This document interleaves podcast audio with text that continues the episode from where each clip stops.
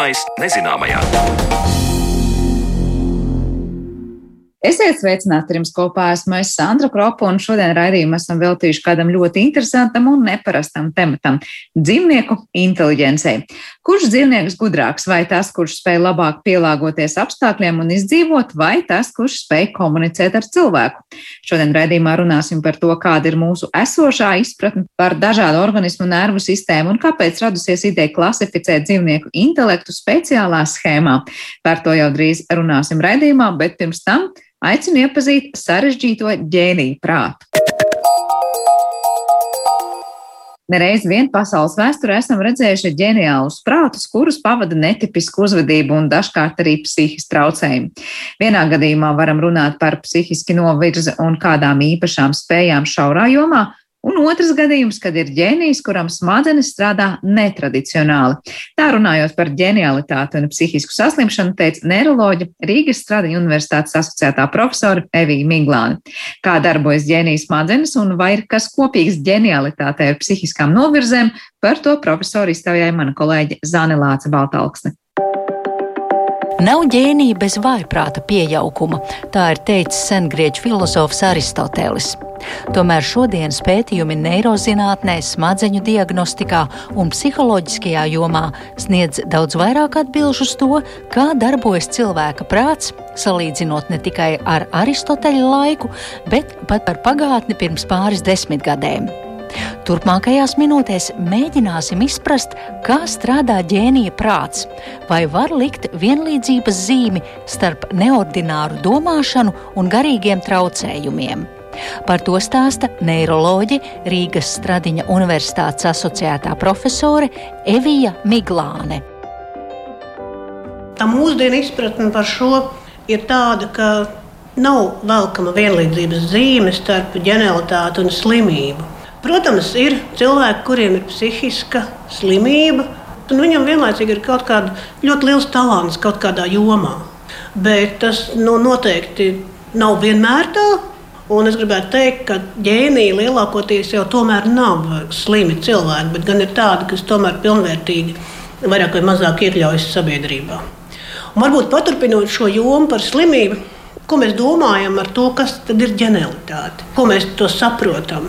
Tad viena lieta, gan, kas ir saistāma ar slimību, un vēl vairāk ir precīzi zināms ar autiskā spektra traucējumiem, ir, kā lai to pateikt, nevis ģenialitāte kā tāda, bet kaut kādas spējas kādā ļoti, ļoti šaurā jomā. Piemēram, spēja sarēķināt galvā vairāk ciparu skaitļus, vai spēja kalkulēt kalendāru simts gadus uz priekšu un simts gadus atpakaļ atzīmējot, kurās dienās bija pavasara saulgrieži, kurā nedēļas dienā rudenes saulgrieži un tā tālāk. Tad šādas spējas gan korelē ar autismu, katram desmitajam cilvēkam, kuram ir autiskā spektra traucējumi, tomēr kādas no šādām savdabīgām, ļoti šaurām spējām piemīt. Bet uh, visbiežāk šiem autiskā spektra traucējumu pacientiem piemīt spēja, mākslinieciskas spējas būt ļoti muzikāliem, galvenokārt kā izpildītājiem, mazāk kā varbūt komponistiem, un arī spēja ļoti skaisti zīmēt. Gleznot. Ja tā tad šāda kaut kāda šaura specializācija kādā vienā jomā, tas korelē ar autiskā spektra traucējumiem. Un katram desmitajam tas jau nemaz nav tik maz, ja tas tomēr ir 10%. Bet šie cilvēki, protams, nevar iekļauties sabiedrībā, un tomēr jā, tādi ļoti, ļoti slaveni cilvēki, kuri izpaužas ar šo savu īpatnību, radošo teiksim, muzikalitāti. Viņi, nu, kā likums, reti kļūst populāri visā pasaulē sakarā ar šīm savām personības īpatnībām. Tas, ko jūs pieminējāt par šiem autiskā spektra traucējumiem, nereti vien ir lasīts un tad tiek nosaukti Izaks Ņūtons, Leonardo da Vinci un Alberts Einsteins, un ka viņiem ir bijis šī autisma tā viena no formām, vieglākā formā Aspergera sindroms. Nu, varbūt, bet tas tomēr, nu, tas tomēr ir tāds ļoti, ļoti tādas spekulācijas, jo retrospektīvi uzstādīt psihopatoloģijas diagnozi, nu, tas, es domāju, ka tas nav ļoti objektīvi. Bet ir dažādas spekulācijas par to, kas viņiem īsti bija. Es esmu lasījusi, ka Leonardo da Vinča varētu būt drīzāk tāda traucējuma, ko sauc par um, maniakāli depresīviem traucējumiem, kad mānija mīs ar depresīviem periodiem. Vai arī uzmanības deficīta sindroms vēl citās publikācijās norādīts, jo viņš nav spējis gadiem pabeigt savus nu, darbus, tos slavenos, teiksim, monolīzi. Viņš tur nezina, cik ilgi pie tā darba strādājis. Tāpēc arī šādas spekulācijas ir. Bet lietas būtība jau tas īsti nemaina. Nu, darbs ir radīts, un diez vai retrospektīvi vajadzētu meklēt psihopatoloģiju. Runājot par Einsteinu, par viņu vēl vairāk. Viņš pat pēc nāves, viņa smadzenes, jūs zināt, ja pēc nāves viņa smadzenes ir, ir izmeklētas un konstatēts, ka tiešām tā smadzeņu garoza ir citādāka nekā vairumam cilvēku. Tad, tad tā būtība ir tāda, ka ģēnijam viņš nav slims, bet smadzenes viņam darbojas tomēr citādāk nekā vairumam cilvēku. Bet, ja es pareizi saprotu, tas nenozīmē, ka ģēnijiem no nu arī tās spējas, ka viņi nav universāli. Tātad tur var būt fenomenāla atmiņa, vai skaitļu, vai mūzikas uztvere, vai radošums, unikalitāte, bet tajā pašā laikā ar mīnus zīmi tur ir problēmas ar savstarpējo komunikāciju vai praktiskas lietas vienkārši izdarīt. Šis jautājums no vienas puses ir uh, vienkāršāks, no otras puses sarežģītāks. Tātad, tomēr, ja runājam par ģenialitāti, par ģēniju kā personības tipu, ja mēs tā varam teikt, tad tomēr es gribētu nodalīt to, kas ir ģēnijs un kas ir ģenialitāte, un kas ir kaut kādas šauras spējas, kuras parasti ir arī bezjēdzīgas. Teiksim, kam gan ir nepieciešams saskaitīt galvā pieci par skaitļus, ja cilvēks nepazīst pulksteni. Ja tad tā ir tikai spēja bez nekāda racionāla seguma. Bet otra lieta ir tā, ka cilvēks, nu, ka viņš ir ģēnijs šī vārda plašākā izpratnē. Kā mēs varētu sadalīt, kas tad ir ģēnijs vārda plašākā izpratnē? Tātad spējas kādā noteiktā mākslas jomā, mūzika, vizuālā māksla, izcils aktieru mākslas dotības. Tas ir viens. Otrs, par ko mēs arī varam runāt, kā par ģenialitāti, tās ir politiķi vai gluži otrādi kriminālās pasaules ģēnijas spējas. Nu, tā arī ir ģenialitāte. Tātad šī ir otra joma, radikāli atšķirīga no pirmās. Un trešā, par ko mēs varam runāt arī kā par ģenialitāti, tā ir zinātnes joma. Un šai gadījumā cilvēks, kurš ir ģēnijs zinātnē, jau minētais Alberts Einsteins, Viņš operē ar savām milzīgajām zināšanām, viņš interpretē kaut kādus likumus, kaut kādus objektīvus radītājus citādāk, oriģinālā veidā, un viņš nonāk pie tādiem vienreizējiem atklājumiem. Jā, kā teiksim, atomu sadalīšana, enerģijas iegūšana. To var cilvēks, kurš ir ģeniāls, kuram ir netradicionāls veids, kā viņš lieto savu zināšanu bagāžu. Ja mēs runājam par tiem ģēnijiem, kas ir politiski līderi vai nu pozitīvā vai negatīvā nozīmē, šie cilvēki manipulē nevis ar savām zināšanām, bet viņi manipulē ar cilvēku. Viņi lieto kaut kādas savas personības iezīmes, savas personības harizmu un pakļauj cilvēkus vai nu labā virzienā vai ļaunā virzienā. Bet tas, ko es uzskatu, un pēc manas personīga tāda viedokļa, kas ir tiešām šie ģeniālie cilvēki, kas ir visvairāk par tādiem uzskatām un ietilpst šajā kategorijā, tie ir tik tiešām mākslinieki, jo viņi rada, rada no nekā, rada sevi. Tas ir tas, par ko mēs varam runāt, kad mēs lietojam šo jēdzienu ģeniāls cilvēks. Jā, tātad šīs divas jomas. Viens gadījums, kad cilvēkam tiešām ir varbūt kāda psihiska novirze, vai no nu ar struktūrālu smadzeņu bojājumu, vai bez, un kādas īpašas spējas šaurā jomā. Un otrs gadījums, kad tiešām tas ir ģeniāls cilvēks, kuram smadzenes strādā netradicionāli, kurš prot lietot zināšanas, veikt manipulatīvas darbības, vai arī rada no nekā. Bet vai tā ir, ka tomēr tā robeža ir šaurāka starp ģenialitāti un kaut kādām psihiskām novirzēm nekā standarta vidusmēra cilvēkam, vai tomēr nē? Nu, ziniet, Nu, es gribu citēt Bībeli, ka pēc viņu augļiem tos būs pazīti, ja? tātad pēc darba rezultātiem. Tātad mēs redzam, kas ir šī ģenialitātes rezultāta auglis.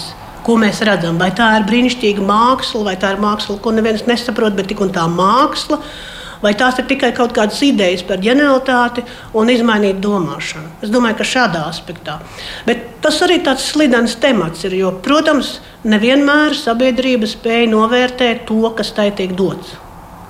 Jā, bet katrā ziņā es gribu teikt to, ka, ja ģēnijs rada, un ir kaut kāds produkts radīts, vai nu fiziski redzams, vai dzirdams, vai saklausāms, vai apskatāms, tad, nu, respektīvi, es gribu teikt to, ka, ja cilvēks uzskata sevi par ģēniju, bet svaidās un tas radīšanas process ir process, kas nekad nebeidzas, un rezultāti nav, tad, tad drīzāk ir slimība nekā tomēr ģenialitāte kā tāda.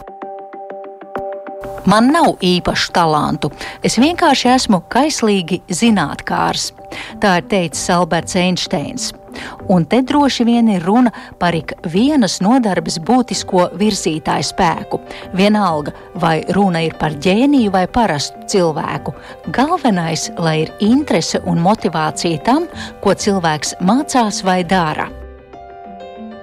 Lai kaut ko darītu, lai kaut ko prastu, lai dzīvē darītu labi, tam ir jāpiegriež uzmanība un motivēta uzmanība.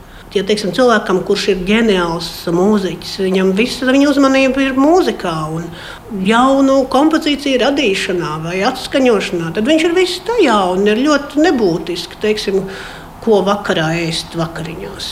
Es domāju, ka tā ir prioritāša lieta. Un, Un es negribētu atbalstīt tādu stereotipu, ja kāds cilvēks ir ģeniāls, tad viņš ir absolūti nespējīgs visās citās lietās, tāpēc ka viņš tāds ir. Es domāju, ka tā ir prioritāšu un uh, uzmanības vēršanas lieta. Un tas ir ciešā saistībā ar to, kā smadzenes attīstās, kā mēs attīstām savas smadzenes, arī tā var teikt. Jo, ja mēs esam motivēti kaut ko darīt un mēs mācāmies, tad smadzenes mainās, pakļaujoties tam, ko cilvēks grib. Ja, ja mēs neesam motivēti un nemācāmies, tad gadījumā nekāda tāda attīstība tādā tīra neirālā līmenī, šūnu līmenī, sinapšu, tad starp neironu kontaktu līmenī nenotiek. Bet ģenialitāte, to es liecos piekrist, vairāk tā var būt iedzimta, vai tomēr to var arī veidot un apzināti iemācīties laika gaitā? Nu, kaut kādā mērā jau noteikti var. Ir liela nozīme tam, kādā ģimenē cilvēks piedzimst, kur viņš piedzimst. Un ļoti liela loma ir apstākļu sakritībai vai liktenim, ja mēs tā vēlamies izteikties. Jā, attīstīt var, ja to laicīgi pamana, ja laicīgi apzinās un netiecīgi pie tā strādā. Vai to var saukt par ģenialitāti? Nezinu, varbūt. Bet nu, katrā ziņā ir ļoti liels jautājums, cik mūsos ir tas, ko mēs pārmantojam, ko nosaka mūsu gēni, un cik mūsos ir tas, kas izveidojas ārējās pasaules ietekmes rezultātā. Un ir arī zinātnē tāda, ko sauc par epigenētiku. Un epigenētika māca to, ka ne visi sliktie gēni un arī ne visi labie gēni dzīves laikā izpaužas. Izpaužas tikai tie, kuriem ir labvēlīgi apstākļi. Nu, tā kā tā indiāņi pasakā par to, kuru vilku tu baro. Tātad katrā cilvēkā mīt divi vilki. Viens ļauns, viens labs. Un kurš tad parādīsies? Tas, kur tu barosi. Tāpat arī ar šiem gēniem.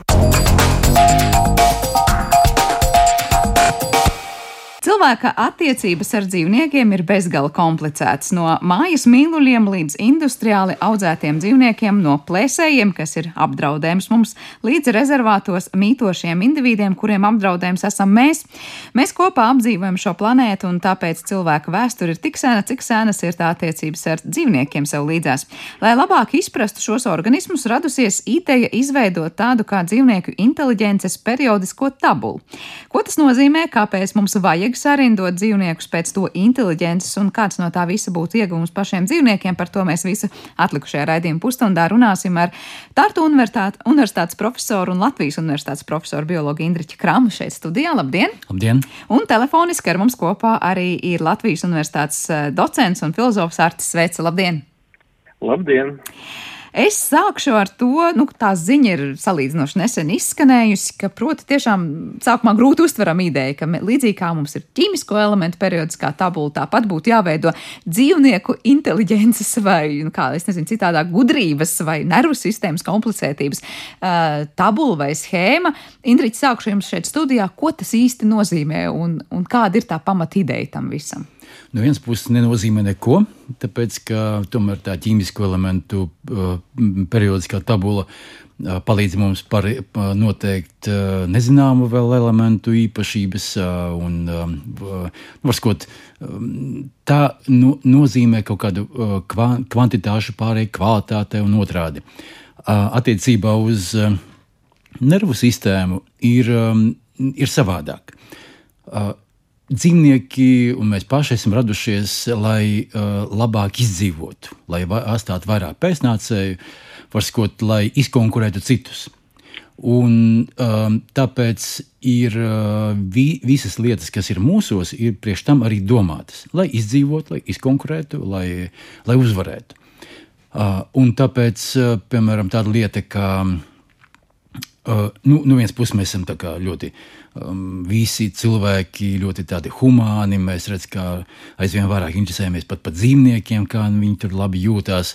Kaut gan mēs viņus brangi ēdam un atņemam viņiem um, dzīves vietas, uh, tāpat laikā mēs varam brīnišķīgi noskatīties, kāda ir mūsu reakcija uz notiekošo Ukrajinā. Uh, Tur, kur tiek nogalināti cilvēki, un uh, politiķi ļoti ilgi sāk domāt, uh, uh, un netiek sniegta palīdzība. Drīzāk dažas valstis ļoti rūpējas, vai precīzāk politiķi rūpējas par to, kāda ir pašajūta Putinam. Jā, kā, šī ir sarežģīta pasaule, kurā ir jāizdzīvo, kurā vienmēr var kādu izkonkurēt, kurā mūsu, mūsu nervu sistēma priekš tā arī domāta.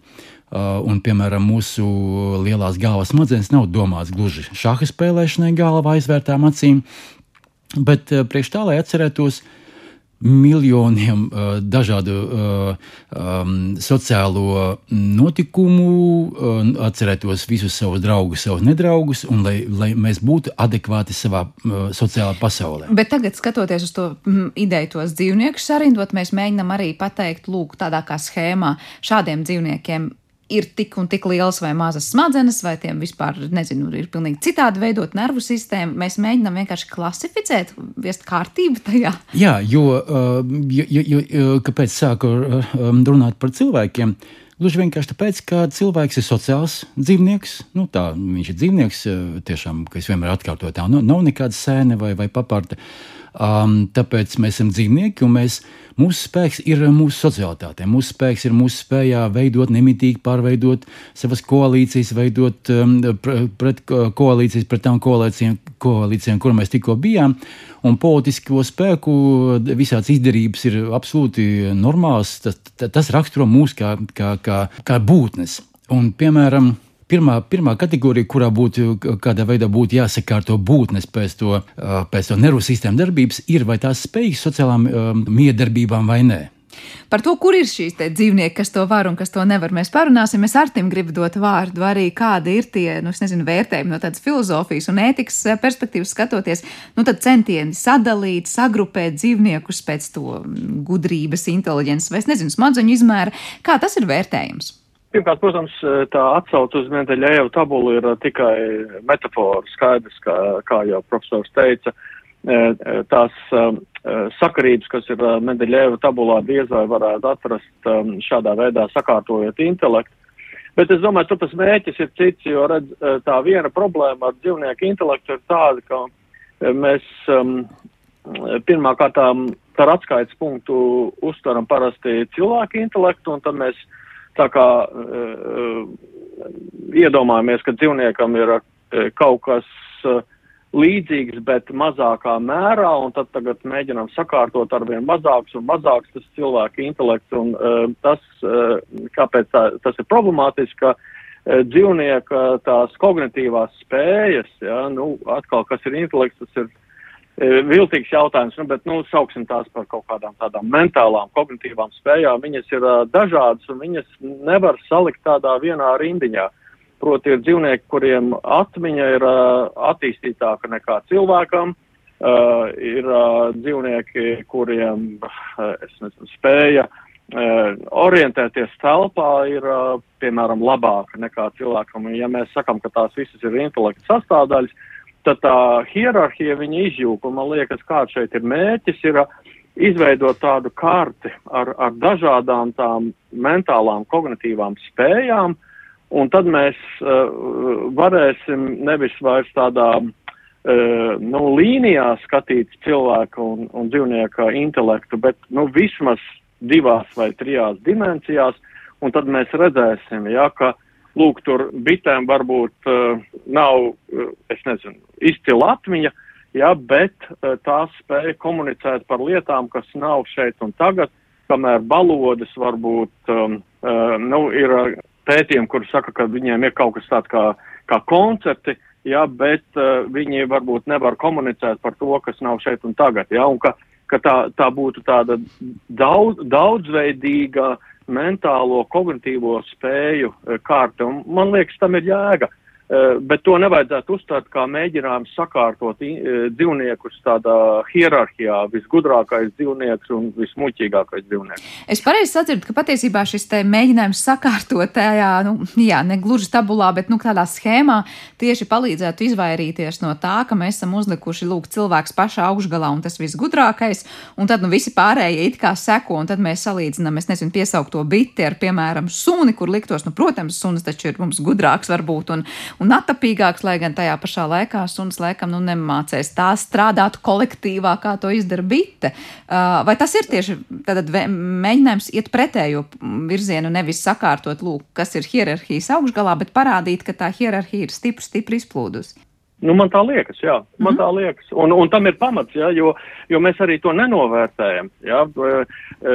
Tas, ko ar studentiem runājot par dzīvniekiem, nākas regulāri dzirdēt, jā, dzīvniekam ir instinkts, jā, un, un tagad cilvēkam ir, nu, pieņemsim, prāts, jā, bet, bet instinkts ir, pirmkārt, arī metafora un sarežģīta lieta, un, un skaidrs, ka dzīvnieki spēja atrisināt tādas problēmas, kuras mēs nevaram izskaidrot ar instinktu tādā nozīmē, kā, piemēram, ja man uh, iespīdina uh, acīs gaismu, es aizvaru plakstiņus. Ja? Tā kā cil, dzīvnieka, dzīvnieka uh, mentālās spējas ir daudz uh, sarežģītākas, daudz uh, daudzveidīgākas, nekā mēs to iedomājamies, un tās nav sakārtotas tādā uh, klasiskajā 19. gadsimta varbūt pat uh, izpratnē ja, par hierarhiju, kur apakšā tad ir, nezinu, kaut kādi um, vienšūņi un, un augšā ir cilvēks. Jā. Mm. Indriķiem studijā jautājums ļoti līdzīgs par to, nu, kāda tad ir tā, es nezinu, kognitīvo spēju karte, skatoties dzīvnieku pasaulē, vai ir kaut kādas dzīvnieku grupas, kurās mēs teiksim, nu, tās vienmēr būs, es nezinu, kaut kādā konkrētā aspektā, nu, mazāk gudras atkal nav labi teikt, ja, bet mazāk tur, es nezinu, atcerēties spējīgas vai cēloņu sakarībās domāt spējīgas nekā citas grupas. Nervu sistēma domāta, ka um, tam, lai izdzīvotu mainīga, main, mainīgos vidas apstākļos. Dinozauri bija ļoti plaši izplatīti, to bija ļoti daudz, bija ar ļoti lielām galvām, acīm redzot, arī labi attīstīta nervu sistēma, bet viņi ņēma un izmira. Tāpēc ir tā, ka apstākļiem mainoties, ja mēs gribam nodefinēt, kurš ir tas gudrākais, kurš ir visadaptētākais, ieskaitot sev nervu sistēmu, runa ir par to, kurš tad izdzīvos cauri apstākļiem, kādi vēl būs. Un tas ir tas, ko es mīlu uztvert par evolūciju kā tādu. Evolūcija līdz šim brīdim nav radījusi superorganismu. Tāpēc, ka apstākļi mainās tik uh, lielā mērā, un viņi ir vienmēr mainījušies. Kā super, superorganisms, visgudrākais, uh, viss tur au, vis aug, vis tālāk au, au, augšgalā esošais, um, uh, vēl nav radies un nekad neradīsies. Uh, Šī brīža apstākļos cilvēks vinnē. Mēs esam okupējuši praktiski visus kontinentus, visus kontinentus, visas iespējamās ekosistēmas, un mēs tur dominējam, mēs atņemam visiem visu. Neļaujam citiem, citām sugām um, izvērsties tikpat plaši kā mēs paši. Bet kaut kādā brīdī uh, arī mūsu suga uh, kaut kur izzudīs, pazudīs, nu, negluži varbūt tādā vienā dienā, kad ir dinozauri, bet kaut kad arī, un, un, un tad nāks tie, kas būs vēl, vēl attīstītāki tai nākotnes vidē. Bet, ja šobrīd izņemam mazliet cilvēku ārpus no tā visa klāsta, kuri ir tie izdzīvošanas spēju ziņā labāk piemērotie dzīvnieki? Redziet, kāda interesanta lieta. Cilvēks pats par sevi pašlaik dzīvo vidē, kādā nekad nav uh, dzīvojis, nekad nav bijis radīts šai vidē. Un tad, tad es tomēr liktu priekšgalā uh, vienalga bāztu cilvēku, tāpēc ka cilvēks nodemonstrēja spējas um, dzīvot vidē, kurā viņš tiešām nu, nekad nav bijis, nekad nav atradies. Evolūcija nekad mūs uz to nav virzījusi. Um, tie, kas um, ir nākamie, kas spējīgi uh, uztvert nu, to, sakot, to, to dzīves momentu, ka vai nu mēs būsim vai nebūsim, ir tie, kas dzīvo pilsētā, kas spēj ar mums sadzīvot kopā. Uh, tad, tad ne tikai Un tie ir vienalga. Tie var būt lidot, tie var būt skriet, skriet pa zemi, spējīgi dzīvnieki. Galvenais, ka viņi spēj adaptēties un uztvert to vidi, kura pašlaik radās un radās visā planētā, pa, pa, pa visu planētas virsmu. Meži tiek izcirsti, tūkstoši izplešās, bet ir viena kategorija dzīvnieku, nu, kaut vai ņemsim lapsas, baloži, vārnas, kovārni, pat vānagi ienākuši Rīgā ļoti pamatīgi visās malās viņa ligtas. Tie visi tie, kuru nervu sistēma ir ļāvusi um, izdzīvot, uh, radīt pēcnācējus. Un tāpēc uh, tie ir tie visattīstītākie, visgudrākie, ja gribat uh, izmantot šo vārdu. Nu, kā mēs arī teicām, jau arī Artis teica, inteliģents un gudrība tās ļoti, ļoti, ļoti riskants vārds, ko teikt. Piekrītu. Bet eh, jūs tikko minējāt tos mums tuvāk dzīvojošos un pilsētvidē dzīvojošos. Man prātā nāk uzreiz tie mūsu mājas mīluļi, kur liekas no suņi un kaķi. Uh, it īpaši, jā, es domāju, kāds skolots suns liekas, nu kur tik gudrs dzīvnieks, ne? Šobrīd salīdzināt, ja es nezinu, vai drīkstam salīdzināt tur pilsētā pielāgoto lapsu vai, vai, vai es nezinu, vanagu. Eh, viņš būs vairāk izdarījis, lai es būtu spējīgs pielāgoties šai dzīvei, nekā mūsu gudrie suņi un kaķi. Jo es nezinu, vai istabā vai mājā dzīvojošais, pieradušais suns un kaķis būs spējīgs izdzīvot. Tās ir divas dažādas stratēģijas. Suņi un kaķi tie mūsu tas, ko mīl dzīvnieki, un viņi būtu jāuzskata par tādiem sociāliem parazītiem, tāpēc, ka viņi savu pūkainību, savu uh, mīlīgo sēņu, savu tur kaut kādu uh, piemīlīgu uzvedību, viņi liek mums atplaukt, mūsu sejām atplaukt smaidā, mūsu makiem atvērties un un, um, uh, mums tie, uh, un tiek tērēt naudiņi. Nu, protams, tas ir par to, ka ir vieglāk, uh, ja tā ir cita tēma, ir daudz lētāk atļauties šobrīd sunīti un kaķīti nekā bērnu. Ja? Un rūpēties par kaut ko vai tie, tie ir mūsu tie, tie profesors veids pieminēti instinkti, kas, nu, gluži var teikt, kā termins jau ir, nu, jau aizgājuši mūžībā, nedaudz, nedaudz sarežģītāk, bet to viņš arī pieminēja. Bet, kas attiecās uz tiem, tad, vai var salīdzināt sunīšu kaķīšus ar tiem sudrabkājām kaut vai uz māju jumtiem, kuras mums te kliedz, bet viņas vienalga nespēja pārklēt motociklus. Tad tā, tā ir sacensības dažādās kategorijās. Suņi un kaķi mūs paņem ar savu piemīlību, Un tādā veidā šīs sugas izdzīvo, starp citu, arī tie, kuru gaļu mēs ēdam, cūkas, lielopi.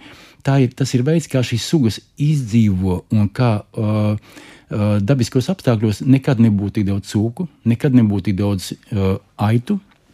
Līdz ar to šīs sugas ir ieguvušas uh, caur to, ka mēs viņus it kā neētiski izmantojam. Bet bioloģiskā ziņā viņas iegūst, eh, viņas iegūst milzīgi priekšrocības. Es domāju, šis ir aspekts, ko laikam Mārtiņam ir ko komentēt, jo no vienas puses tiešām izklausās neētiskā veidā varbūt izmantot, tāpat laikā bioloģiski šīs sugas ir ieguvušas, kā uz to klausās un reaģē ētikas, dzīvnieku ētikas speciālists.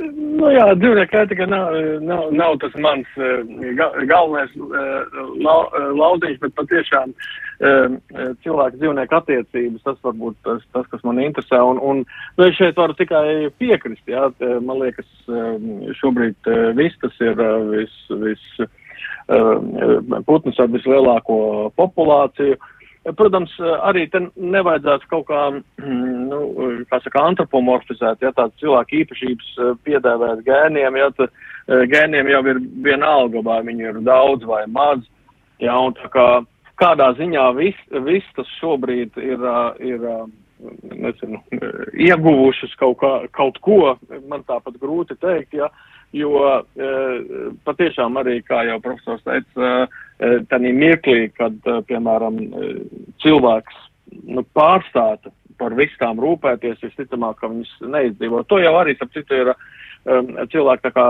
hipotētiski mēģinājuši um, prognozēt, kas notiks, ja, teiksim, cilvēks vienā mirklī pazustu un, un, un uh, nu, uh, savi labumi ir suņ, suņiem un trūkumi un savi trūkumi un, un, un pozitīvās īpašības ir uh, kaķiem, bet nu, skaidrs, ka, ka liela daļa no uh, suņiem, liela daļa no kaķiem un liela daļa no tiem mūsu mājdzīvniekiem bez cilvēka nevarētu izdzīvot. Un tādā ziņā es arī uh, neteikšu, ka tā ir kaut kāda tāda ārkārtīgi veiksmīga nu, pielāgošanās spēja, jo uh, tāpat arī nu, tas uh, vanaks, kurš šobrīd uh, iemācījies, jā, uh, nu, vai, vai kaut kādu iemeslu dēļ ir spējīgs um, Rīgā izdzīvot, arī patiesībā kaut kādā ziņā riskē. Viņš ir atradis kaut kādu nišu, kura uh, var noteiktos apstākļos pazust, un tajā mirklī arī šis veiksmīgais izdzīvotājs pazudīs. Ja?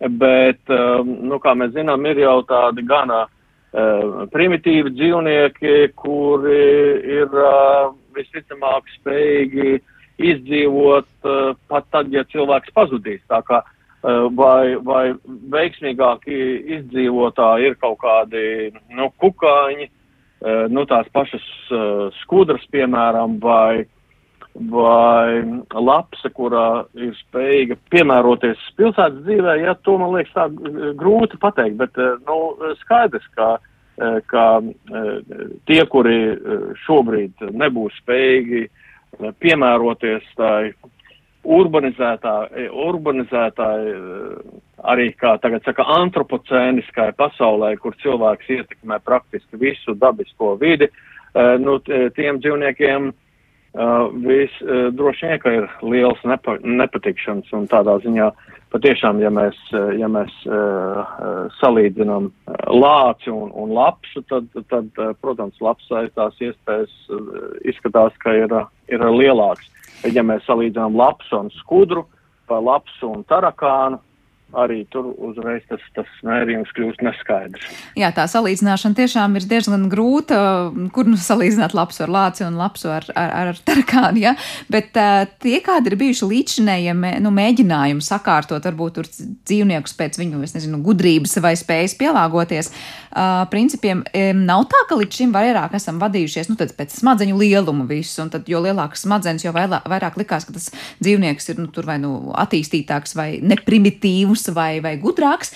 Bet vai vienmēr smadzeņu lielums nozīmē to, ka tas organisms ir nu, vairāk, atkal teikšu vārdu, gudrs vai piemērots vai intelektuālāks? Uh, Indriķi. Uh, smadzeņu lielums ir svarīgs parametrs, kad ir runa par sociālajiem dzīvniekiem. Jo, kā jau minēju, cilvēkam smadzeņu apjoms ir nevis, nevis priekš tā, lai uh, spēlētu šahu vai tur, um, Uh, kaut kādas integrāļus rēķināt galvā, bet tas ir priekš tā, lai mēs atcerētos uh, visas, visu to, kas mums ir sociālajā pasaulē.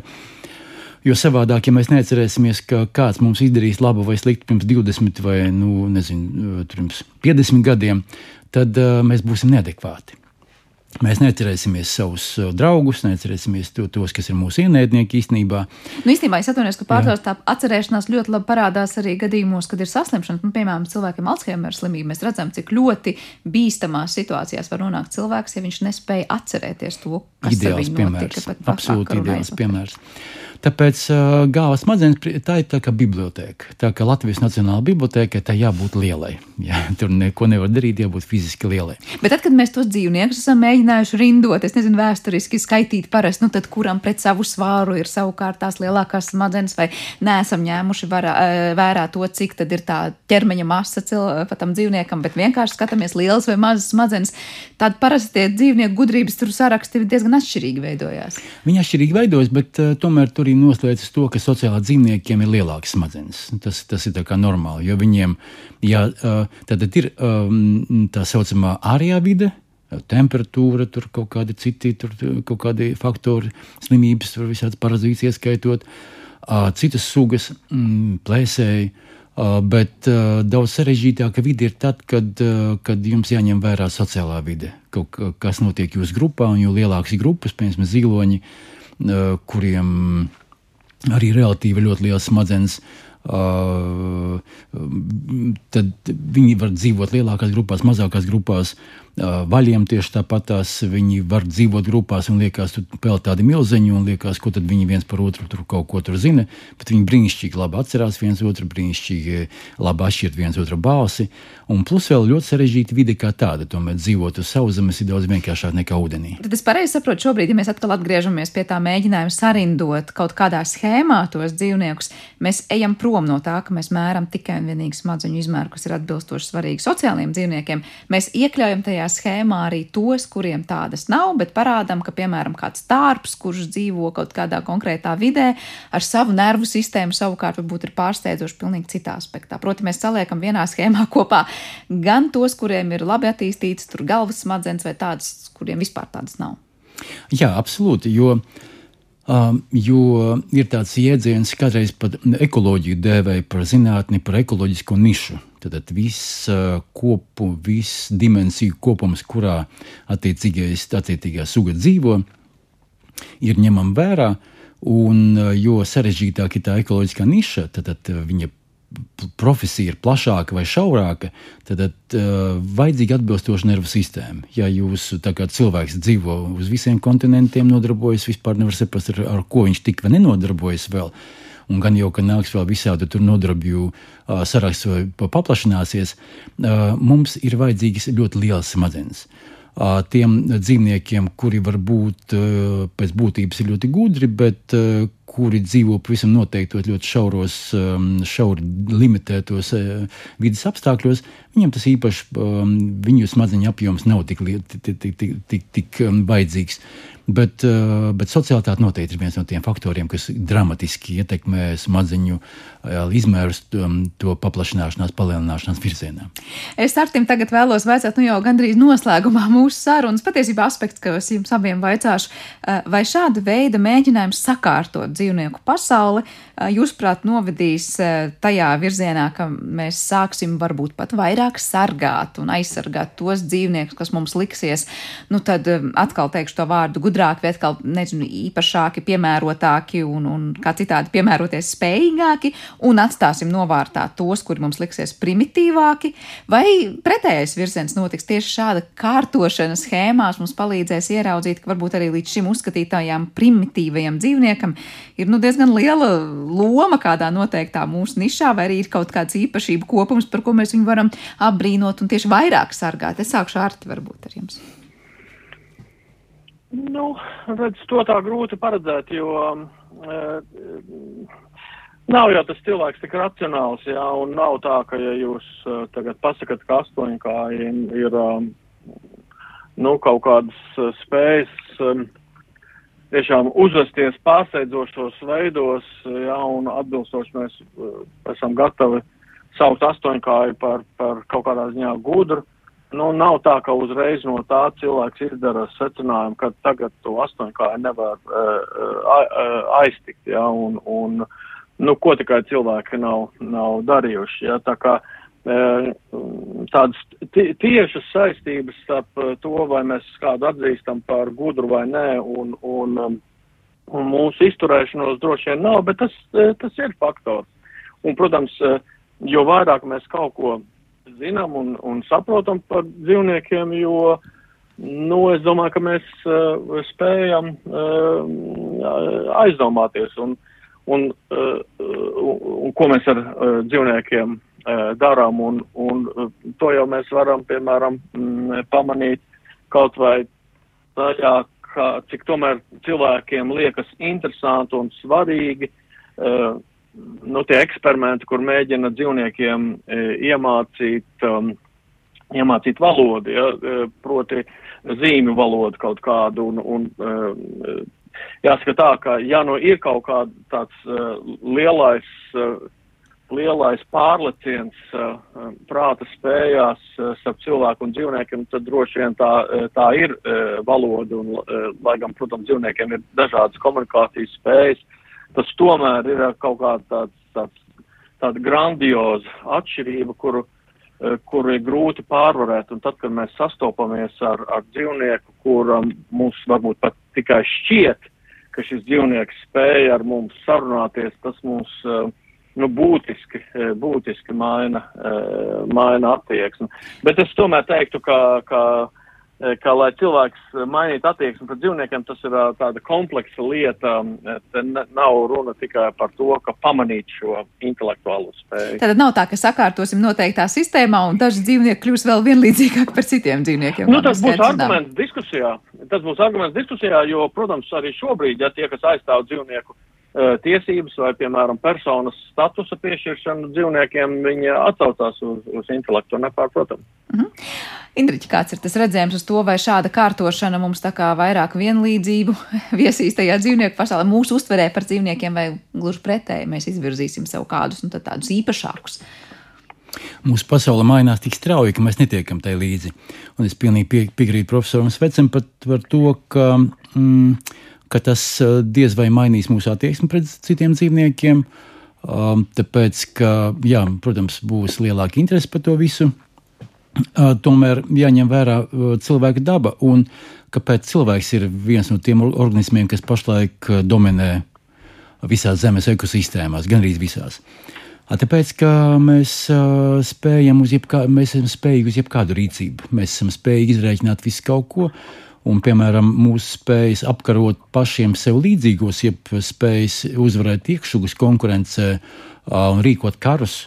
Rīkot karus, un liekas, ka tur jau nu, ir pavisam vienkārši ar to ētiku. Nu, karus nedrīkst rīkot, nedrīkst nogalināt civiliedzīvotājus. Tas mūs neattur. Pilnīgi nekādā veidā. Bet tomēr um, tad, tad, uh, kaut kāds aspekts ir arī pozitīvs, uh, kas tad, tad, uh, ir pieminēts jau viens no pētījuma objektiem, kas man ir interesants, ar ko es nodarbojos vairāk vai mazāk, ir zīlītes.